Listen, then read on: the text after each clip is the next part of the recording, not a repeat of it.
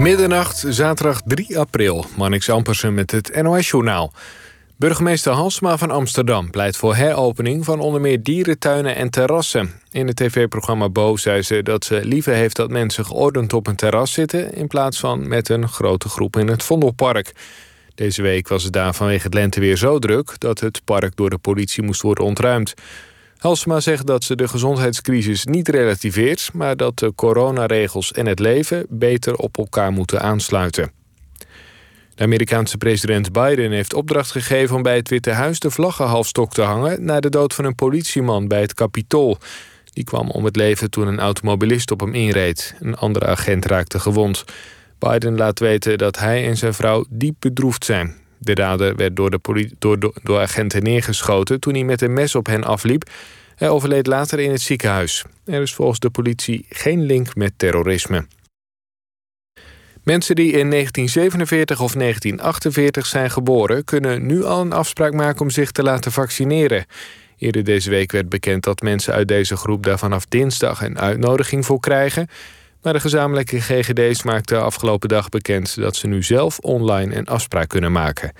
De ruim 390.000 mensen om wie het gaat kunnen op 80 locaties terecht voor een injectie met het Pfizer-vaccin.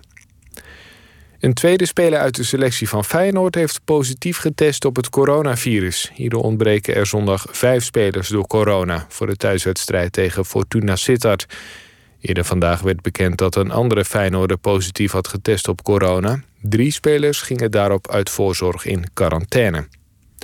Het weer, vannacht koelt het flink af, na plaatselijk iets boven nul. Overdag droog en wat zon en ongeveer 11 graden. Ook zondag droog en dan vooral in het westen zon. Vanaf maandag wordt het flink kouder. Dit was het NOS Journaal. NPO Radio 1. VPRO. Nooit meer slapen.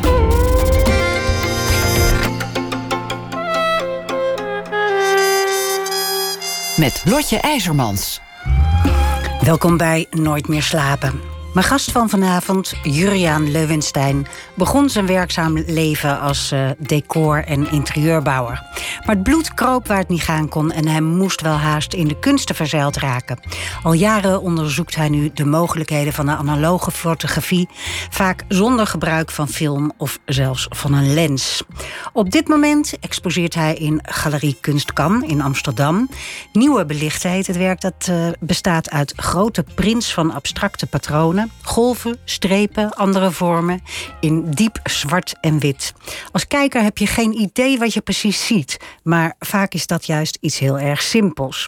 De schaduw van een waterglas bijvoorbeeld, gevangen in het licht van laser. Daarnaast draait er ook een gefilmde performance en dat is een ode aan of een afscheid van zijn vader. Juriaan Leuwenstein werd geboren in 1971 in Amsterdam.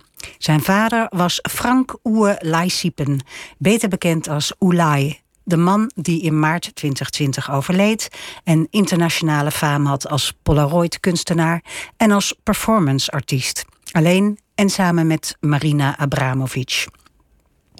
In het Stedelijk Museum in Amsterdam is, zodra het weer open kan, nog steeds die prachtige overzichtstentoonstelling Ulay Was Here te zien.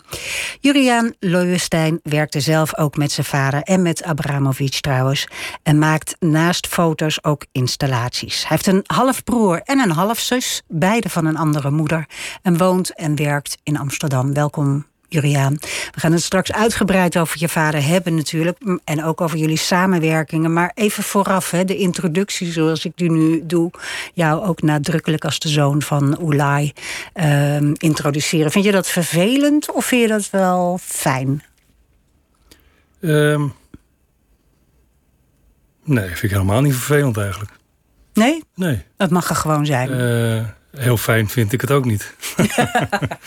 nee, het is een beetje neutraal. Nee, ja, het, het, is, het is wat het is. Het is wat het is. Het is mijn vader. Ja, ik kan er niks anders van maken. En uh, uh, nee, ik voel me daar op zich wel goed bij. Oké, okay. ja. nou, we gaan het er straks over hebben. Maar laten we het eerst over dat prachtige werk van jou hebben. Uh, meters groot en soms, en, en, en soms ook wat minder groot. Het is abstract. Het is best wel moeilijk uit te leggen, vind ik zelf.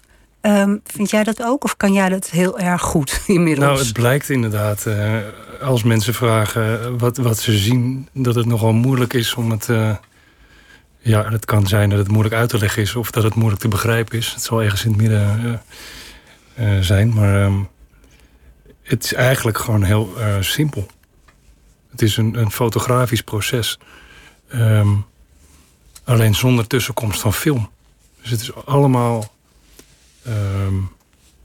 directe, het zijn directe belichtingen op, op, op lichtgevoelig schuine streep fotografisch papier. Ja. En, ja. en, wat ik net zei is, uh, ik wil zo weten hoe je dat doet, maar eerst nog eventjes bijvoorbeeld zo'n zo'n karafje met water waar een laserstraal doorheen gaat. Ja, het klinkt ja. ingewikkeld. Misschien kan jij het beter uitleggen? nou ja, kijk, het, dit, deze werken, deze serie, uit de serie No Light, is ontstaan, uh, ja, zoals je dat nu zegt. Hè, dus het licht, een lichtval wat door een glas of een karaf of een fles met water valt. zoals je dat ziet als je aan tafel zit te eten. Hè, een mooi wijnglas en de schittering van, het, van, het, van de vloeistoffen, van de wijn in dit geval die op het tafellaken vallen. Dat heeft mij geïnspireerd om dit uit te werken en om daar prints van te gaan maken. En dan wel met laserlicht. In plaats van kaarslicht. Ja. In plaats van kaarslicht, ja. Eh, de reden daarvoor is dat laser, even het technische verhaal, een monochromatisch licht is. En daarmee dus, ehm, daar kan je dus heel mooi eh, scherpe silhouetten, schaduwen maken. Ja. En dat vind ik eh, voor dit werk ja, heel boeiend. Je zei net, ik maak foto's zonder, zonder film. Dat moeten we toch ook heel even uitleggen hoe dat werkt? Zonder al te technisch te worden? Nou ja, kijk, de, de meeste mensen zullen fotografie kennen uh, door middel van een, een, een, fototoestel. Waar je vroeger, voor de digitaliteit, nog een, een, een filmrolletje in deed. He, dat is een, een negatief film. Uh, daar werd het beeld op vastgelegd. En dan vervolgens ging je, je een rolletje ontwikkelen in de, bij het fotolab of uh, ergens anders. Thuis in je thuis, in de, ja. in de badkamer. Ja. En dan ging je het, het, het ontwikkelde negatief film in de vergrotingskoker doen. Uh, waarmee je dus weer een positief kon maken ja. op negatief papier. Hè? Twee keer negatief, ja. positief beeld. Ehm, ik heb dat dus niet. Ik heb dus geen negatief maar een rechtstreekse belichting op papier. Dus ik heb ook een negatief beeld. He, dus alles wat licht is, wordt donker op het papier. Verschijnt donker op het papier. Uh, dit zorgt er ook voor dat het allemaal unicaten zijn. Ik heb dus geen film of een negatief waarmee ik ja, waarmee je nog maken. zes afdrukjes kan maken. Ja. ja. Het enige wat ik kan doen, wat je zou kunnen doen, is een, een reproductie maken van, van de master eigenlijk. Maar dat doe ik niet. Nee, en dat, dat gelijk dat proces van hoe je werkt, maakt eigenlijk dat, dat de afbeelding echt uh, super veel een momentopname is. Ja. He, want je kan het nooit meer reproduceren. Ja. Wat, wat is het wat jij precies doet in je, in je studio? Je hebt een grote studio met een donkere, eh, met een uh, soort camera obscura, hè, waar ja. dat, dat licht uitvalt, neem ik aan. Niet invalt, maar uitvalt. Nee, het valt erin. Oh, het valt erin. Uh, het valt eruit en erin. Het, het, het, kan alle kanten op. Dat is het leuk. Maar goed, stel jij wil, jij wil iets gaan maken. Wat, wat ga je doen? Wat neem je mee naar je, naar je studio? Uh, wat wat uh, initieert het idee? Wat, hoe werkt het? Ja, ik, dit is eigenlijk met alles wat ik doe is het een soort een gevecht met mezelf. Ik ben een control freak. En ik probeer zoveel en zo ver mogelijk te controleren het proces te controleren. Maar bij wat ik doe, de werken die ik tot nu toe gemaakt heb, uh, is er een moment dat ik de controle verlies. En dat is eigenlijk het, het spanningsveld waar ik, waar ik mee werk. Uh, ik kan ook nooit precies bepalen wat, het, wat, de, wat de uitkomst is. Het uiteindelijke beeld is uh, elke keer weer een verrassing. Ja. Dus dat betekent ook dat ik heel veel ehm, misprinten heb. Of printen waar ik niet content mee ben. Maar je moet het ons toch even uitleggen hoe ja. dat in, in, in heel praktische zin gaat. Je gaat naar je studio, wat, wat heb je bij je? Ik en heb wat bij mij uh, fotopapier. ik heb bij mij uh, chemie. Hè? ontwikkelaar, stopbad, fixeer en water om te spoelen. Ehm, ik heb een lichtdicht hok, een tent, um, waarbinnen de onderwerpen zich bevinden. En dat is dan bijvoorbeeld een glas water of iets anders? Een glas water of een, uh, zoals de laatste paar werken die ik gemaakt heb, een model. Um, dat, dat is één setup. Mm Dus dat is binnen de tent onderwerp, onderwerp belichten. Het beeld wordt gedragen door de lens en geprojecteerd op een achterwand. Waar ik mijn uh, lichtgevoelig papier ophang. Dan maak je een print, een projectie eigenlijk. Zoals een overhead projector. Dat moet je je echt een beetje voorstellen. Of ik gebruik geen lens en ik belicht rechtstreeks, dus zonder tussenkomst van lens, met mijn laser en uh, een, een, een lichtbreker, vloeistof, een antiek glas, een spiegel, uh, rechtstreeks op het papier. Wat je ook nog kan doen, is een fotogram maken van contactafdruk. En ik kan ook nog eens, hè, dit is, uh, nou ja, contactafdruk spreekt voor zich. Wat ik ook nog doe en kan doen, is deze drie uh, technieken combineren. Ja. Dus ik kan en een projectie maken, tegelijkertijd een fotogram en nog eens buitenom een directe lichtprojectie. Het, het, het, blijft vrij technisch klinken, ja. maar dat is beeldende kunst op de radio is altijd moeilijk. En zeker als er dan ook nog uh, techniek uh, bij, bij ter sprake komt. Wat, wat, wat zoek je? Ik bedoel, ja, ik snap dat je de, de, de, uh, het licht zoekt en, en de, de, juiste afdruk. Maar wanneer is iets juist? Wat, wat, het is heel moeilijk bij abstract werk. Ik bedoel, als jij een portret van iemand maakt, dan ja, lijkt het, dan is het een goed werk, hè, zal ik maar zeggen. Mm -hmm. Maar wat wil jij van tevoren voordat je in de studio ingaat van jezelf?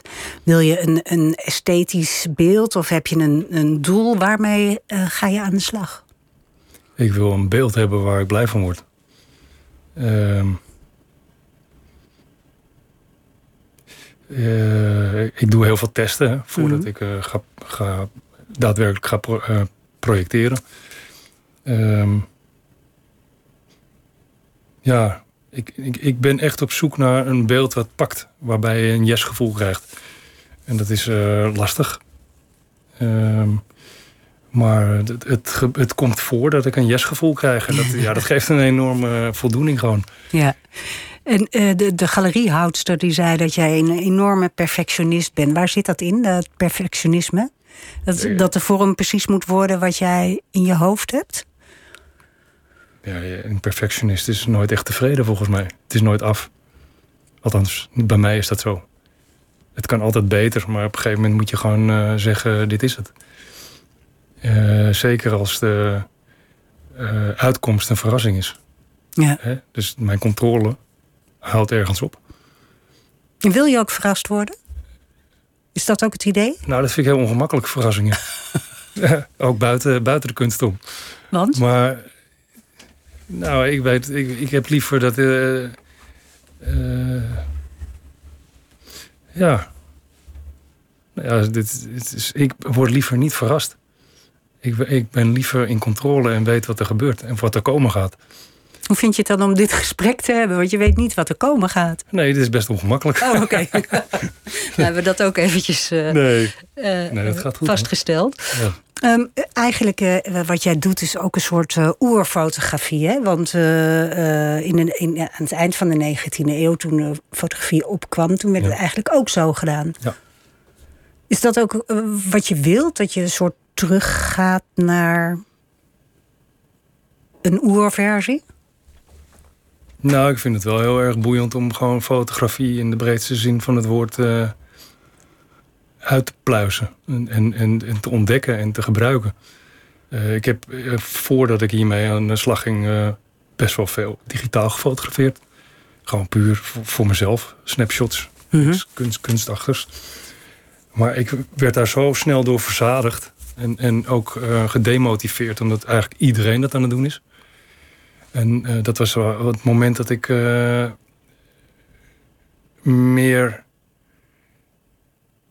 in de materie wilde. Dus dus wat, wat tastbaarder. Ik ben heel zintuigelijk. Ik wil dus buiten dat ik het wil zien, tevreden wil zijn met beeld, wil ik het ook. Ik wil het gewoon voelen. Ik vind het ook lekker om gewoon met het papier en de chemie en het spoelen. Dat je, dat, ja, dat geeft een, een hele andere dimensie als dat je met een camera rondloopt en, en je, je saved het op een sticky of op je computer. Het heeft helemaal geen lading meer voor mij. Dat doe je dus ook helemaal praktisch. niet meer. Nee. Nee. Je, je hebt ook andere dingen gemaakt voordat je met die fotografie zo eh, uitgebreid eh, bezig ging. Ik zag eh, eh, een, een steeg die je na hebt gebouwd. En die zag er echt ongelooflijk uit als een steeg. Ja. Wat was het idee daarachter? Nou, dat is eigenlijk ontstaan ook omdat ik natuurlijk, eh, daar komen we zo wel op, bij mijn vader heel veel meegekeken heb eh, in zijn eh, fotografie-avontuur. Ehm, ik ben aan de haal gegaan met, met fotografie, zwart-wit fotografie. En ik kreeg op een gegeven moment het idee van, goh ja, hoe zou dat eigenlijk zijn als, je, als de wereld gewoon zwart-wit uitziet? Als je geen kleur hebt. Hè, dus alleen maar, als alles alleen maar uit grijsschaal zou Mhm. bestaan. Nou, dat heb ik uiteindelijk onderzocht en uitgevoerd. Dus de voorloper van die steeg was eigenlijk een hotelkamer in de Hotel Winston, In Amsterdam, ja. Amsterdam. Samen met mijn vader gedaan. En daar hadden we een hele kamer eh, ingericht in grijs, in een grijsschaal. Als zijnde een zwart-wit foto. En dat vond ik heel erg boeiend. In de eerste instantie hadden heel veel mensen, en ik zelf ook, het, het idee dat het heel erg. ehm, ja. down, depri. Mhm. Geen kleur. eh, maar het, het, het bleek eigenlijk ontzettend rustgevend te zijn. Al die grijstinten. Ja, omdat je gewoon met kleur even, heb je, tenminste is mijn eigen, mijn eigen analyse. Met kleur, eh, er zijn natuurlijk miljoenen kleuren die we kunnen onderscheiden. Die moeten die hersenen ook allemaal verwerken. En eh, ja, volgens mij zijn er maar 255 eh grijswaardes te onderscheiden voor ons. Dus ik denk dat daaruit eh, veel meer rust ontstaat Ja. in, je- in het zien. En dat, wa- dat was een hotelkamer, dus dat was een soort eh, eh, opdracht, neem ik aan, om, om zo'n kamer. Nee, nee? eigen initiatief. En waarom, waarom wilden jullie een hotelkamer helemaal grijs inrichten? Nou, kijk, ik had, ik had dit concept bedacht. En uiteindelijk kwam de mogelijkheid naar voren. De Winston deed op dat moment kunstkamers. De kunstenaars konden een kamer inrichten. En daar zijn we op ingegaan. Ja. En- En, en die steeg, eh, want eh, een steeg, nou, ik heb foto's gezien, die steeg die ziet er precies uit zoals een steeg eruit ziet. Met graffiti op de muren en een vuilniszak en een eh, fietsframe wat nog vastzit aan een regenpijp. En waar de helft al vanaf gejat is. En een, een eh, bouwbalken tegen een scheefzakkend pandje aan. Het, het, ziet er helemaal uit als een Amsterdamse steeg. Maar waarom ga je zoiets bouwen op, eh, in een schaal van eh 1 op 12? Nou, het idee was eigenlijk om dus een heel stuk straat na te gaan bouwen. op Ware grootte. Eh, en om mensen te enthousiasmeren heb ik eh, uiteindelijk eh, ook met mijn achtergrond als decorbouwer een maquette gebouwd. eh, gebaseerd op blauwlakengebied. Eh, daar rond eh, W139. Eh, Rond de Warmoestraat in eh, Amsterdam, ja. Ehm, omdat ik eh, vond dat dat een mooie omgeving was om om te zetten in, in, in grijswaarde. Ik heb daar wel over nagedacht. Wat, wat het meeste effect zou hebben. En buitenwereld is eigenlijk het meest vreemd in mijn optiek. Om, als, om in zwart-wit te ervaren. Ja, met die steeg heb ik een beetje lopen leuren om, eh, om, om ergens dat in eh, één op één te gaan bouwen. Dat is nooit gelukt. Ik ben ook met een eh, aantal Italiaanse mensen bezig geweest om eh, een film in te maken. En via die kant een, een, een, decor te bouwen. Die dan ook nog gebruikt zou kunnen worden voor bezichtiging. Maar het is nooit van de grond gekomen. Dat staat nog op de plank. Het zou mooi zijn om dat ooit nog een keer te verwezenlijken. Maar En mogen we er dan doorheen lopen, zeg maar? dan, ja, zeker. Ja, En- verder nog. Ik had eh, ideeën om daar ook eh, mensen uit te nodigen en te laten overnachten. Dus ook nog een camera vast te maken waar je dus een, een schrijver, een filosoof, een muzikant, een kok, eh, bedenk het maar, op te sluiten. En dat zij aan de hand daarvan ook een werk gaan creëren. Dat is wel een heel goed idee. Ja, dat vond ik ook. Ja, maar blijkbaar. En waar sneuvelde het op dan? Eh, Ik heb geen idee. Het, was, het is nogal groot. Een enorm budget voor nodig. En uh, het is heel groot. En het, zoiets bouw je niet voor een paar weken. Het moet dan ook al een aantal maanden, zo niet een half jaar staan ergens. En je praat over een steeg van uh, 25, 30 meter lang. Ja, dat, het is praktisch en, en financieel best wel een, een project. Ja. Maar het zit nog steeds in, in de pijplijn, ja, zou ik maar zeggen. Krijg ooit en dan ga ik het nog een keer uitvoeren. ja. In, in, in de galerie uh, stond ook een tekst op de muur. Ik zoek hem even. Put your hocus pocus into focus. Ja. Dat, uh, dat, dat is een tekst die jouw vader tegen jou zei, als ik me niet vergis. Ja, uh, als ik me niet vergis, dan uh, komt de tekst eigenlijk in een andere vorm van Thomas McEvely, kunstcriticus, mm. historicus vriend, hele goede vriend van mijn vader. En die zei toen hocus pocus in focus. Mijn vader heeft daar een draai aan gegeven en die heeft gemaakt put your hocus pocus in focus. En die heeft die uh, mij uh, ja, heel vaak. ja, hij heeft het heel vaak geuit naar mij toe, omdat ik vroeger moeilijk me kon focussen. En het is eigenlijk nog steeds best wel kost me veel energie om me te focussen. Dus het is een hele pakkende uitspraak die van toepassing was op mij. Hm. Want, want je bent, je bent uh, uit 1971. Ja. je vader Ulay kwam uit Duitsland. Ja. En die kwam tijdens de Provo- en Kaboutertijd naar Nederland. Ja, 68. En, en toen ontmoette hij je moeder? Toen ontmoette hij mijn moeder vrijwel meteen, ja. Ja. En jij werd geboren, maar ze zijn niet heel lang samen geweest, of nee. wel? Ze zijn drie jaar samen geweest. Uh, van 68 tot 71. Uh, ja. Heb je nog herinneringen aan hem van, van toen jullie nee. een gezin waren? Helemaal niks. Nee, daar ja, was je gewoon kijk, te jong voor. Ik ben in 71 geboren en zij zijn in 71 uit elkaar gegaan. Oh, Oké, okay, ja. Ik heb hem daarna nog wel een uh, paar keer gezien. Althans, niet uh, in mijn herinneringen, maar uh, de laatste keer was denk ik dat ik 2,5 was. En toen zat er een pauze tussen tot mijn vijftiende. Ja, laten we het eerst even hebben over. Ja. Uh, je, je, vader had al een gezin gehad ja. in Duitsland, hè? Mijn halfbroer is daaruit voortgekomen.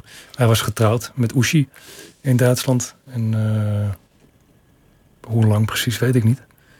Maar die is ook niet heel erg lang geweest. Hij heeft niet heel lang stand gehouden. Want Mark is ook verlaten door zijn vader. of ook. Ja. Mark was verlaten uh, door zijn vader toen hij denk ik twee was of zo. Ja, dus eigenlijk hij toch best wel ook, net als jij? Ja, alleen uh, het is iets anders gegaan. Denk ik. Ik denk dat uh, het, het, het, het, uit huis weggaan in Duitsland bij Mark en Ushi is iets anders gegaan dan bij mij thuis. Bij ons thuis. Want dat is in goed overleg gegaan tussen mijn vader en mijn moeder. Ja. Je, je, je groeide dus alleen op met je moeder? Ja. Wat voor een jeugd had jij? Werd je wel uh, gestimuleerd om hele creatieve dingen te doen? Of, of, was dat helemaal niet aan de hand? Of... Mm, ja, ik ben altijd wel creatief geweest volgens mij.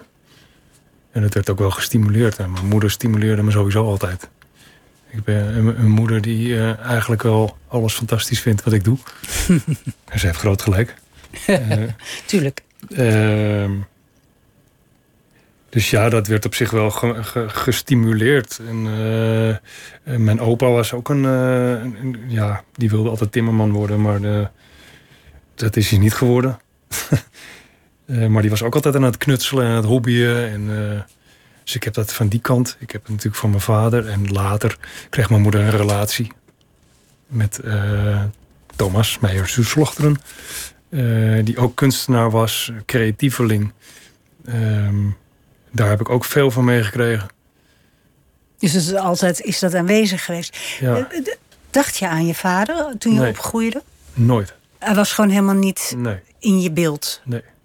Zelfs niet als er naar gevraagd werd. Wat zei je dan? Er werd natuurlijk wel eens gevraagd. Ja. Ja, wie is je vader? Waar is je vader? Ik zei, ja, geen idee. En daar was het ook mee klaar. En ik voelde daar ook niks bij. Ik bedoel, als ik er nu ook op terugkijk. Nee, niet. Het was gewoon niet. Was gewoon ik had een moeder. volstrekt afwezig. Ja. En, en, en zei je moeder wel eens wat over je vader?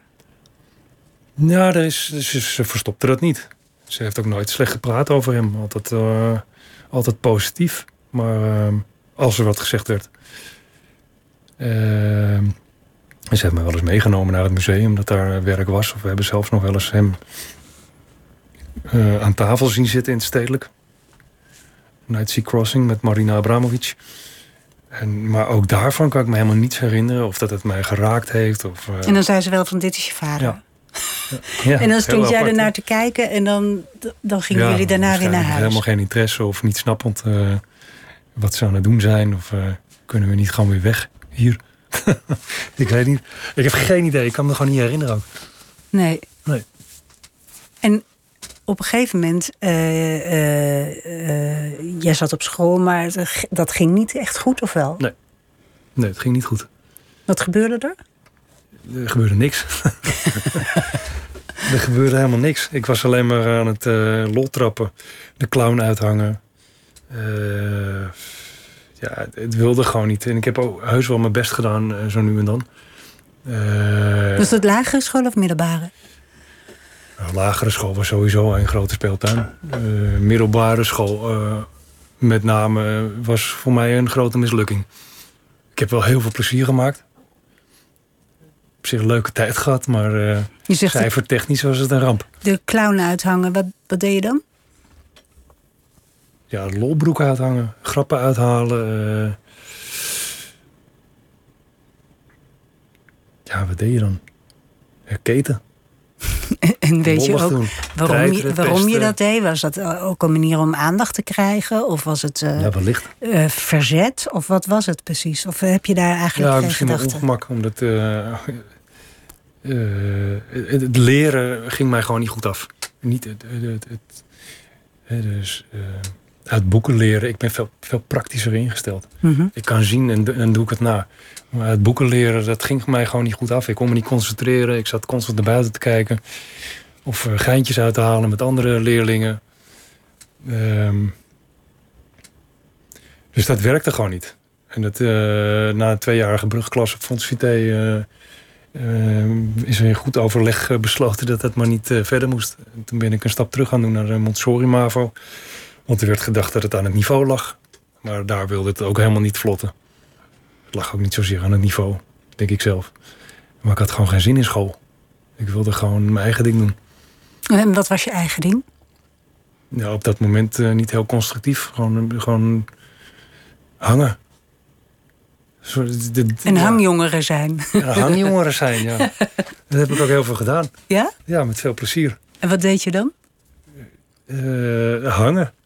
Ja, blowen. En roken. Uh, blowen, uh, hangen, kattenkwaad uithangen, halen, uh, sporten.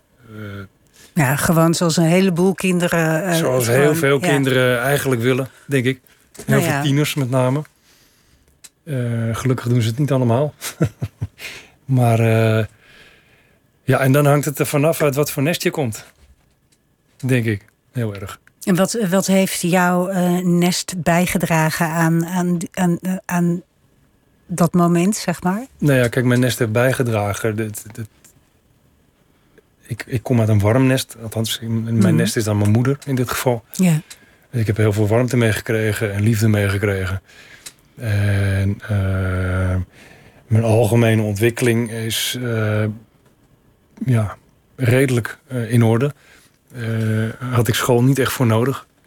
Dat heb ik uh, uit de omgeving mee, mee gekregen. Ook streetwise gedeeltelijk.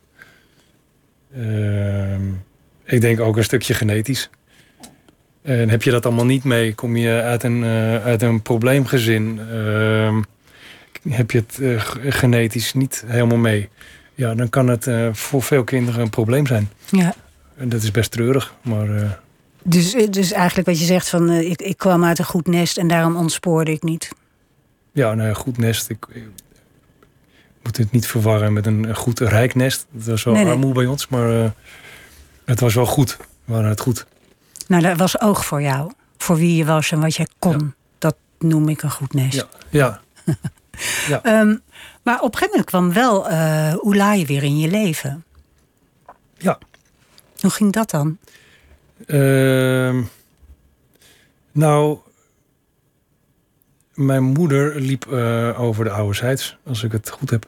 En mijn vader die zat altijd heel graag op terras, net als ik. Dat heb ik van hem, denk ik. Echt een terraszitter. En die kwamen elkaar daar weer tegen na eh, heel lang. En uh, dat was best een bijzonder moment, begreep ik van mijn moeder. En die hebben daar een, ja, een, een, babbel, een praatje staan maken. En ja, die hebben besloten om, of tenminste mijn vader nodigde mijn moeder uit om een keer te gaan eten. En vanuit daar ja, die hebben een heel mooi etentje gehad. En vanuit daar is de, de, de wil getoond om, om mij wel te zien. Mijn vader. En vervolgens heeft mijn moeder dat aan mij voorgesteld. Van, goh, lijkt je het leuk om je vader eh, te ontmoeten? En daar stond ik gewoon volledig voor open natuurlijk. Dat wel? Ja, zeker. Ja, ja. ja omdat je vertelde dat hij zo ontzettend afwezig was in je, in je hoofd. Ja, maar ergens vond ik het dan toch wel, uh, wel interessant en was ik heel nieuwsgierig. Had je wel door dat hij een interessante man was tussen aanhalingstekens? Ja, ik wist wel dat hij een dus- kunstenaar was. En dat hij ook wel uh, een redelijk uh, succesvol kunstenaar was. Dus um, ja, nee, ik stond er volledig achter. Sterker nog, ik, ik wilde het best wel graag eigenlijk. En hoe moet ik me dat voorstellen? Zo'n ontmoeting met iemand die dan je vader is... die je eigenlijk nog nooit gezien hebt, behalve in een museum. Ja, je moet je voorstellen eh, zoals wij elkaar voor het eerst zagen. Dat is, uh, je ontmoet iemand die uh, vreemd is voor je. behalve dan dat je misschien enige gelijkenissen ziet. In ja, je uiterlijk, heel erg motoriek. ja. Ja, ja, ik ben steeds meer op mijn vader gaan lijken. Er is nu geen ontkomen meer aan. Maar ja, op dat moment, het was heel ontspannen eigenlijk. En, en uh, ja, we hebben vanaf dat moment gewerkt aan onze relatie. En het is best wel snel gegaan. Hij heeft mij gevraagd of ik drie maanden bij hem in wilde wonen. En dat heb ik gedaan. Gelijk, net, gelijk bij die eerste ontmoeting? Ja, nou, misschien een paar maanden later. Maar dat, die data en de tijdstip heb ik niet helemaal paraat. Maar ik, het was vrij kort na onze ontmoeting. ook omdat ik zo aan het klooien was op straat. En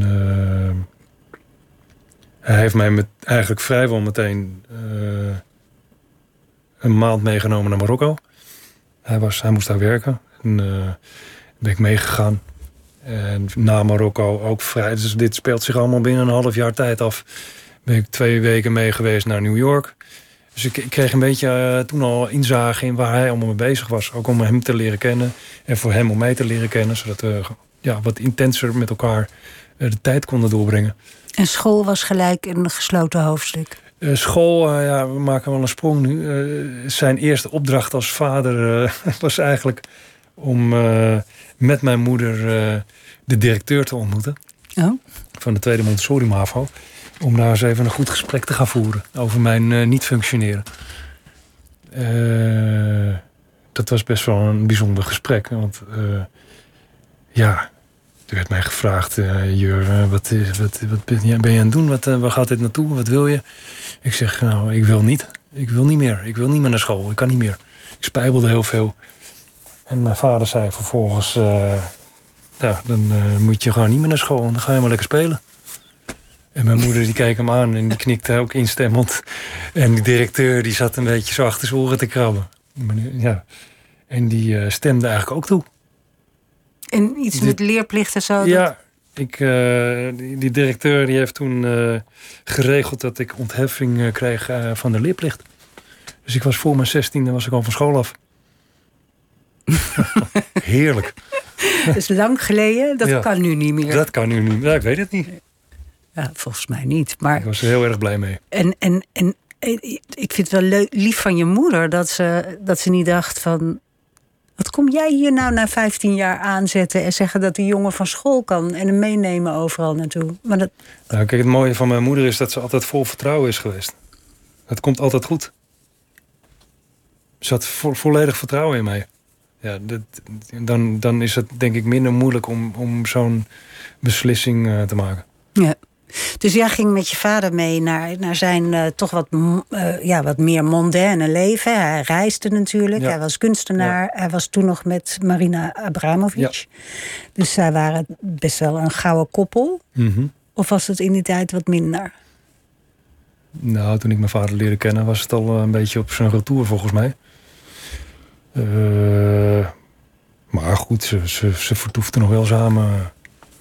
Wat, wat vond je van je vader? Je gaat dan met hem een maand naar uh, Marokko uh, en naar New York. Wat, wat, wat denk je dan als 15-jarige of 16-jarige?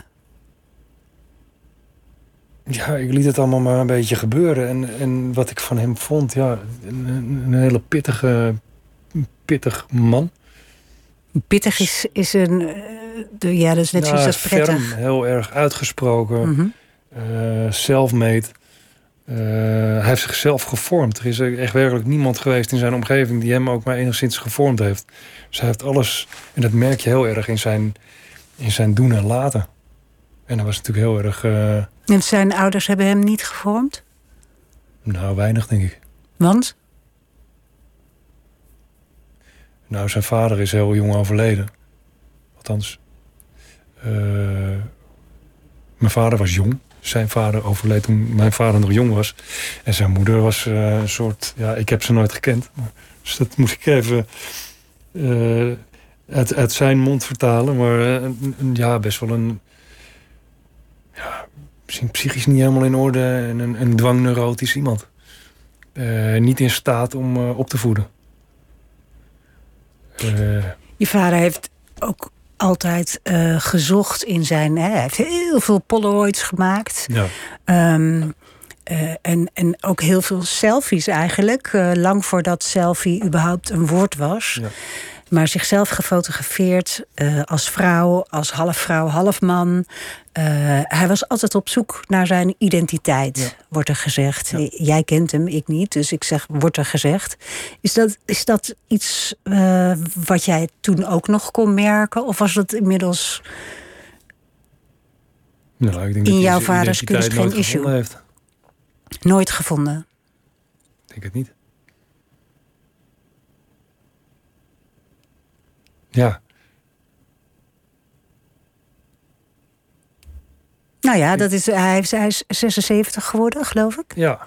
Dus uh, hij, hij heeft er lang naar gezocht. Um, hoe, hoe kun jij dat zo uh, stellen? Waaruit heb je dat uh, opgemerkt? Of Ja, waaruit niet- blijkt dat voor jou? Als ik dat zo zelf invul, dan denk ik... als, als je je identiteit gevonden hebt... dan eh, komt er een bepaalde rust over je heen. Ja, die heb ik bij hem nooit gezien eigenlijk. Was hij een onrustig mens ook op het laatst nog? Ja. Toch Altijd een soort zoekende. En hij heeft het zelf ook gezegd trouwens. Hoor. Het, hij is gestopt met, dat, met die vraag. Omdat je het toch niet kon vinden? Ja, precies. Wat een eh, eh, eh, heftige pil lijkt me dat om, om te slikken, zeg maar. Dat je iets wil weten over jezelf. En je wijdt je leven daaraan via de kunst. En je komt er niet achter wie je bent. Ja, ik vind het ook heel mooi eigenlijk. Ben jij daarachter gekomen wie hij was? Wie hij is, Ja, was. Nee, ik vind het heel erg lastig. ook. Ja, ik vind het super lastig.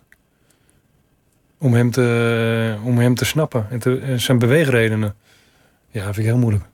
Wat, wat maakte hem moeilijk om te snappen? Eh, Wat, wat Nou deed hij wat moeilijk te snappen was? Hij is ontiegelijk tegenstrijdig. Heel eh, extreem. Zwart-wit. Eh, maar ook heel erg galant. Heel lief. Liefdevol. Het is gewoon verwarrend. Het is een verwarrend iemand. Ik, dat heb ik altijd gevonden. Is dat eh, eh, zeg maar eh, aantrekken, afstoten? Zo Ja, op die manier verwarrend? ja. Dat is precies dat. Je aantrekken. En helemaal into you. En dan vervolgens weer afstoten. Dus hij heeft je 15 jaar zeg maar even afgestoten en daarna nam hij je mee. Hè? Nee, haalde Nou, hij jou naar zich toe? afgestoten heeft hoor. Nou ja, hij heeft je niet opgezocht. Nee. Dat vind ik nee, behoorlijk wel, ik denk. Kijk, hij, hij is. Ik heb een gesprek met mijn moeder gehad. Wil je dat allemaal weten? Ja, vind, eh, vertel, we zitten hier toch. Willen we dat weten? Eh, hij heeft heel lang nog, nadat mijn moeder en mijn vader uit elkaar zijn gegaan, eh, door willen gaan met ons. Met mijn moeder en, en met mij. Ehm, alleen mijn moeder kon daar niks mee. Die, die ja, Want die liep daar ook tegen die liep dat aantrekken en afstoten. eh, en waarschijnlijk. En, ehm, dus die is daar nooit op ingegaan. En ik denk op een gegeven moment, toen hij Marina leerde eh, kennen, eh, is daar op een gegeven moment gewoon. ehm,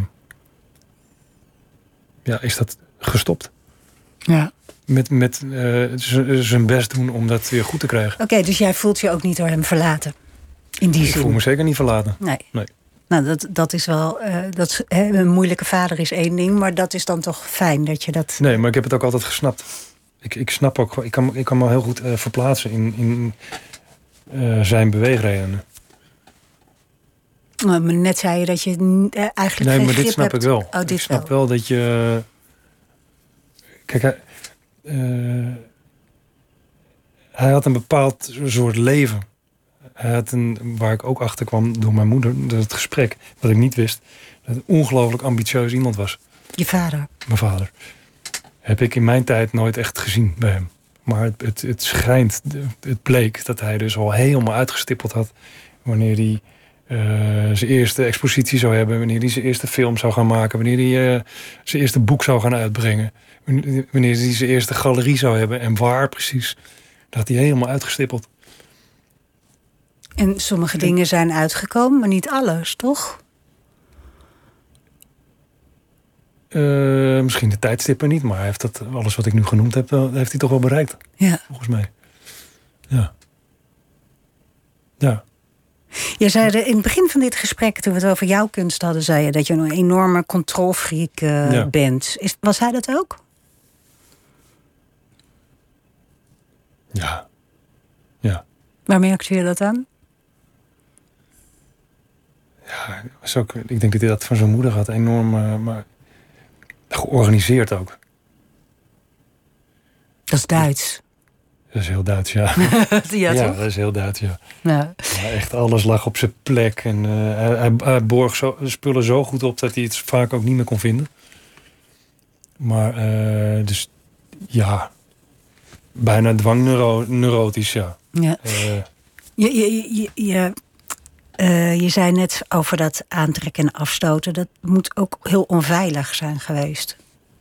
Om de zoon te zijn van iemand eh, met wie je een, een vader-zoon relatie wil, of een vriendschappelijke relatie of wat dan ook. En dat gebeurt steeds. Heb je dat als onveilig ervaren of niet?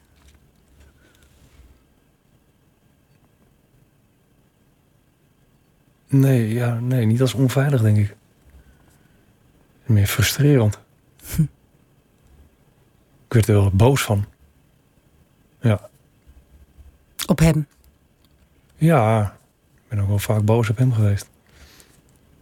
Maar het is, je, moet, je moet je voorstellen, wij hadden niet echt een vader-zoon relatie. Nee? Het was meer een vriendschap. Kijk, het gevoel van een vader, dat is pas veel later gekomen. We hebben eigenlijk een band opgebouwd als, als gewoon een hele goede vriend. Ik, kon met hem in de kroeg hangen en eh, lol maken, zoals je dat met vrienden, met, je- met je beste vrienden doet. En het gevoel, de emotie, de, de, de warmte die je krijgt bij een ouder, dat, het is eigenlijk veel en veel later, misschien wel de laatste paar jaar gekomen. Ehm, dus onveilig zou ik eh, even, nog even terugkomen daar. Mhm, mhm. Omdat ik het ook niet echt voelde en zag als mijn vader. Nee. Ken ik dat gevoel ook niet echt. Jullie hebben samengewerkt, hè, ook? Ja. Hij heeft jou ook echt eh, eh, mee, eh, meegenomen zijn leven in. Maar jullie Ja. hebben ook echt samen dingen gecreëerd. Hadden het net al over die hotelkamer die jullie samen Ja. hebben gedaan. Ehm, maar jullie zijn ook samen in Slovenië geweest, toch? Daar woonde hij, ja. Nee, maar jullie hebben daar ook een expositie samen gemaakt? Of vergis ik me daarin? Mm, nee. Ik heb hem wel geassisteerd daar. Hij heeft daar eh fototoot opnieuw gedaan. En daarbij heb ik hem. Ja, Kun je vertellen wat dat was? Fototoot? ja daarbij heeft hij eh, een, een serie foto's eh, van Marina ehm, gemaakt. En dat, is, dat heeft zich in de 70 jaren afgespeeld, maar dat is opnieuw gedaan, uitgevoerd in Slovenië. Ehm, die foto's die zijn ontwikkeld, maar niet gefixeerd. En eh, die worden opgehangen onder safe light, hè, dus het is donker, Mhm. brandt wel wat rood licht. Eh, de foto's werden opgehangen, het publiek komt binnen. En vervolgens gaat het grote licht aan en dan zie je de beelden dus opkomen. En vervolgens eh, naar zwart verdwijnen. Omdat ze niet gefixeerd zijn. Dus, dus ze blijven doorontwikkelen totdat het beeld zwart is. Een prachtige eh, installatie, performance eigenlijk. Eigenlijk een beetje zoals die, die Banksy laatst die geveld werd en daarna zichzelf vernietigde. Dat lijkt het, ja. inderdaad. Was dit eigenlijk Ja, ook zoiets? Hè? Van ja. je maakt iets heel moois. Ja. En, en eigenlijk laat je het zelf waar het publiek bij is, laat je het Ja. verdwijnen in het Ja. zwart. Prachtig idee. Jullie zijn ook samen naar eh, Patagonië geweest. Ja. Wat heb je daar gedaan met je vader? Ik heb. eh, mijn, vader ging eigenlijk niet zo heel goed. Best wel slecht eigenlijk. Hij was ziek en eh, redelijk destructief. In Amsterdam eh, hangend. Wacht even, twee dingen. Ja. Ziek en destructief. Ziek was had Ja. kanker. Lekkere combi, hè? Ja. maar was, had hij toen al kanker? Ja. En destructief was drank? Drank, drugs. Wat voor drugs? Eh blowen en cocaïne. Ehm, ik, ik, ja, ik had daar niet echt een goed gevoel bij. En ik wilde eigenlijk nog heel graag een keer met hem op pad. Dus ik heb hem toen voorgesteld ook om even weg te gaan uit Amsterdam. Uit, die eh, omgeving. Eh, proberen te prikkelen om eh, een, een reis te gaan maken. En dan naar Patagonië. Ja, daar had hij wel oren, naar. Dus ja, dat is hartstikke mooi. We zijn twee maanden, dus ik, ja, acht weken zijn we naar Patagonië geweest. Wat was het doel van de reis? Behalve jou, jouw zo'n doel om hem eh, in een gezondere omgeving eh, te brengen. Was er ook een, een eh, conceptueel, artistiek ja, doel? hij was natuurlijk hij is heel erg actief geweest met water. De- drinkwaterproblematiek in de wereld. En, en ja, we hebben daar heel veel ijs, ijs en water eh, f- f- foto's gemaakt. Van ijssculpturen en gletsjers. En, ja, dus een, een soort combinatie, een, wer- een werkreis. Ja. Ja. Eh, je, je hebt ook, eh, je, je hebt één keer ook met Marina Abramovic op het podium gestaan. Twee keer. Hetzelfde stuk hoor. Ik heb eh, op een gegeven moment werd ik benaderd door Marina. Ehm, ze was bezig met een stuk, de biography remix. Dat ging over. Ze waren toen al uit elkaar. Ja, ja, ja. Dit Ja. is 2004. Ehm, en eh, zij zocht nog een. eh zij zocht mijn vader eigenlijk voor dat stuk. Ehm, dus ze had mijn vader ook benaderd. Of ik niet. ja, of ze mij mocht benaderen daarvoor. En dat vond hij een goed idee. Dus ik werd op een gegeven moment gebeld door Marina en gevraagd of ik zin had om mee te doen daaraan. En dat vond ik ook wel een leuke uitdaging. Dus jullie gingen samen een performance doen. We hebben ja, het- in een, een theateromgeving. Hè, dus Mhm. niet echt performance, wel geregisseerd. Maar wel een aantal oude performances van hun eh, heb, heb ik eh, mogen uitvoeren. Welke? Eh, de Incision, de Pietà. ehm, Je moet even vertellen wel, wa- wat daar gebeurt dan. Want Ja, niet de- iedereen ja. weet dat. Incision niet, bijvoorbeeld. is een, een, performance waarbij mijn vader ehm vastzit aan een elas- elastiek. Oh ja. eh, aan, aan de muur. En hij loopt de hele tijd tot het maximale rekpunt. En bij het maximale rekpunt staat Marina. En dat gaat een hele tijd door. Heen en weer, lang. heen en terug. Ja. En op een gegeven moment komt er iemand uit het publiek, de originele Mhm. performance. En eh, die valt Marina aan door middel van een karatetrap. Eh, ja, dat, dat is één performance. De Pietà is natuurlijk eh, eh, ja, Maria met de stervende Jezus. Jezus op schoot. Het slaan. Elkaar een minuut lang heel hard Ja. slaan, hè? In het ja, gezicht. wel langer. Ik weet niet precies hoe lang we dat gedaan hebben. Wij moesten het vijf minuten doen. Eh, ja, is even wennen de eerste keer. Eh, heel mooi eigenlijk hoor. Heel intens. Heb je ook die intens. performance gedaan van je vader en Marina met, met die pijl en boog? Pijl en boog heb ik ook gedaan. Op jouw hart of op haar hart? Haar hart. Ja. Eh, met Marina zelf. De Pietà en de bow and arrow hebben, heb ik met Marina samen gedaan. Eh, ook heel bijzonder. Zeker bijzonder om met haar dat te doen. Ook elkaar in de ogen kijken. Want in, eh, ja, daar, ging, daar gebeurt er wel wat. Natuurlijk, eh, Ja, nu je dat zegt over elkaar in de ogen kijken, dat is natuurlijk eh, het meest bekeken werk van, van, van eh, Marina en je vader. Is Ja. natuurlijk dat moment dat hij in het MoMA komt en aan haar performance Ja. gaat zitten en zij opkijkt. Was het voorbedacht of niet? nou, ik Was weet het niet. spontaan van je vader? Het, het was Kijk. beeldschoon, want zij ziet hem, ze kijkt op, ze ziet hem, ze schiet vol en hij kijkt haar aan en zijn blik zegt duizend dingen tegelijk. Het is, het is een prachtig Nee, moment. het is een super mooi moment. En eh, kijk, hij was natuurlijk uitgenodigd. Hij was genodigde. En eh, er is daar, eh, volgens mij, kijk, ik weet het ook niet, ik ben er niet bij geweest, maar bij mijn weten is daar toen bedacht van, goh, misschien moet jij als eerste gaan zitten. En, eh, en dat is gebeurd. Ja. Ja. Dus ja, in hoeverre is dat. eh, ja, het maakt mij niet uit hoor. De, emoties waren echt. Nee, dat vind ik ook. Ik- maar ik, ik weet het ook niet. Dat is, ik weet wel dat het Wacht, je moet nog wel in de microfoon blijven praten. Even mijn been. eh. Ja. Ja, nou ja, hij wa- hij was daar en er is, vervolgens is daar volgens mij via de galerist van, eh, van Marina voorgesteld aan mijn vader om daar als eerste Ja. plaats te gaan nemen. Het lijkt me heel bijzonder dat jij in zijn voetstap hebt mogen staan en die performances hebt mogen doen met haar. Wat, wat is het ehm, jouw favoriete werk van je vader?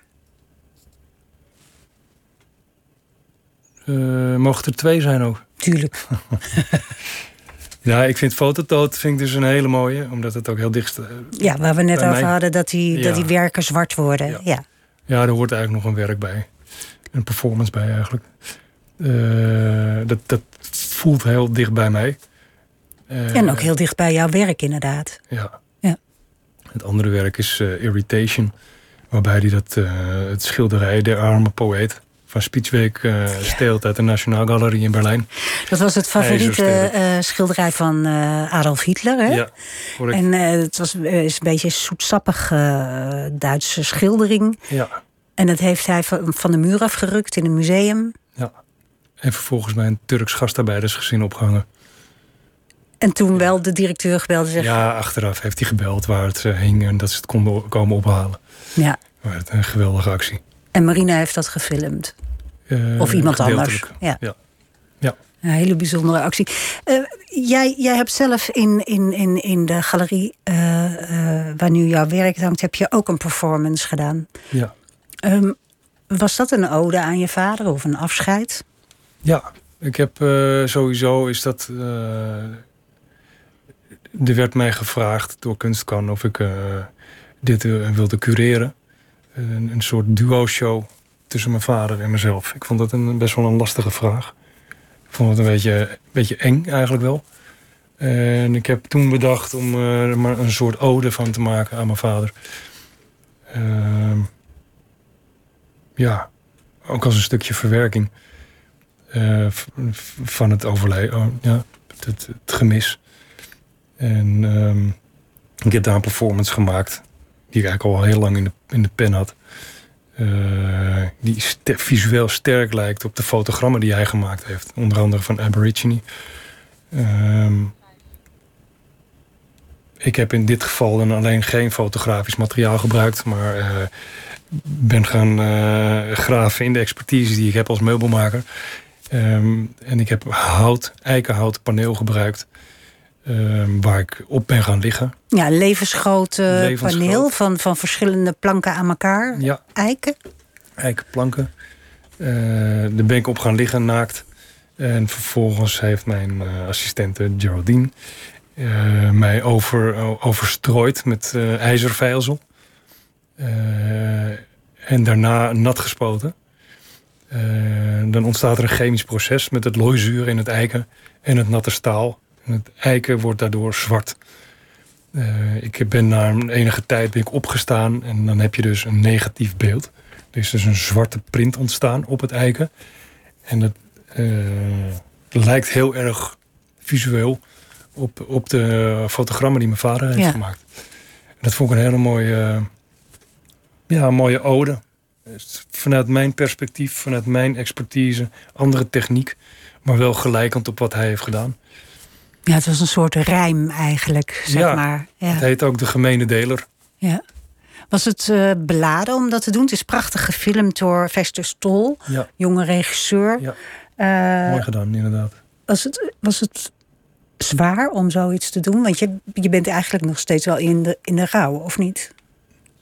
Ja, ik heb nog niet echt uh, een moment gehad dat ik echt heb kunnen rouwen. Dat is tijdens dit soort acties, een performance, of ik sta foto's te maken in de studio, dan, dan bekruipt het me af en toe. Dan, dan, dan voel ik het dan alsof hij er is, of dat ik doe wat hij aan het doen was. Dan krijg je weer dat soort momenten, maar ik heb nog niet echt.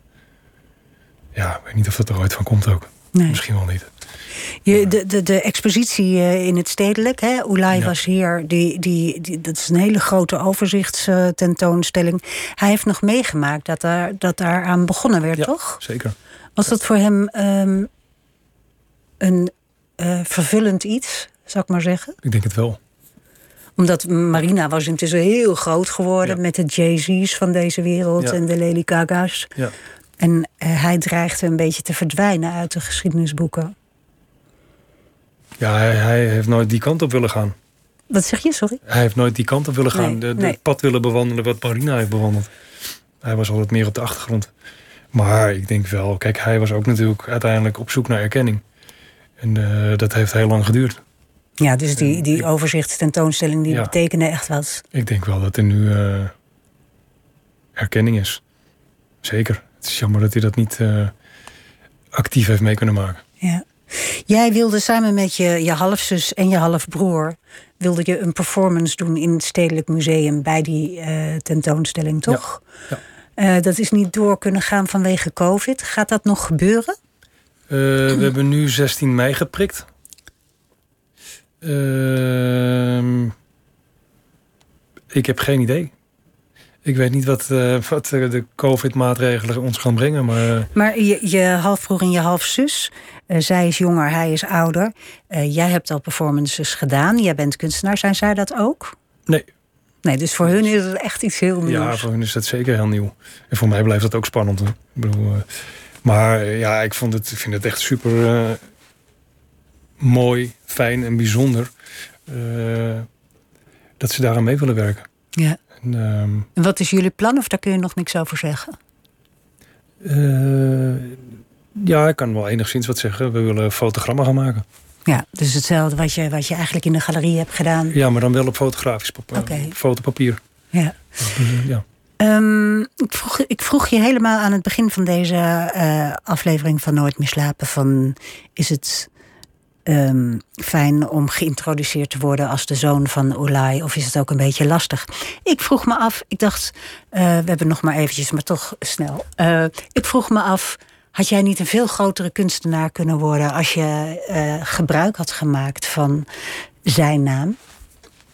Ja, dat is de vraag. Dat kan ook tegen je gaan werken. Ik, uh, ik heb dat nooit, nooit willen doen. Ik ben misschien te bescheiden. Uh, maar wat niet is, kan nog komen. Ja? Ja, zeker. Daar, daar ben ik wel. Uh, ja, daar ga ik vanuit. Daar ben ik mee bezig. En niet zozeer uh, met hulp van zijn naam. Al, alhoewel, ja, ik, de, je ontkomt er bijna niet aan. Maar ik uh, probeer ook wel op uh, eigen kracht verder te komen. Ik gun het je dat het allemaal lukt. Dank je wel voor je ja. komst hier naar de studio, Juriaan Leuwenstein. Dat was het voor vandaag. Maandag is Pieter er weer. Zo direct op deze zender podcastgids Vink.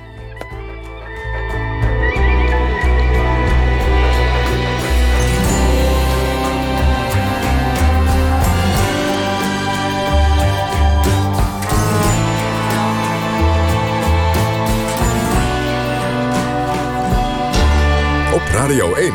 Het nieuws van alle kanten.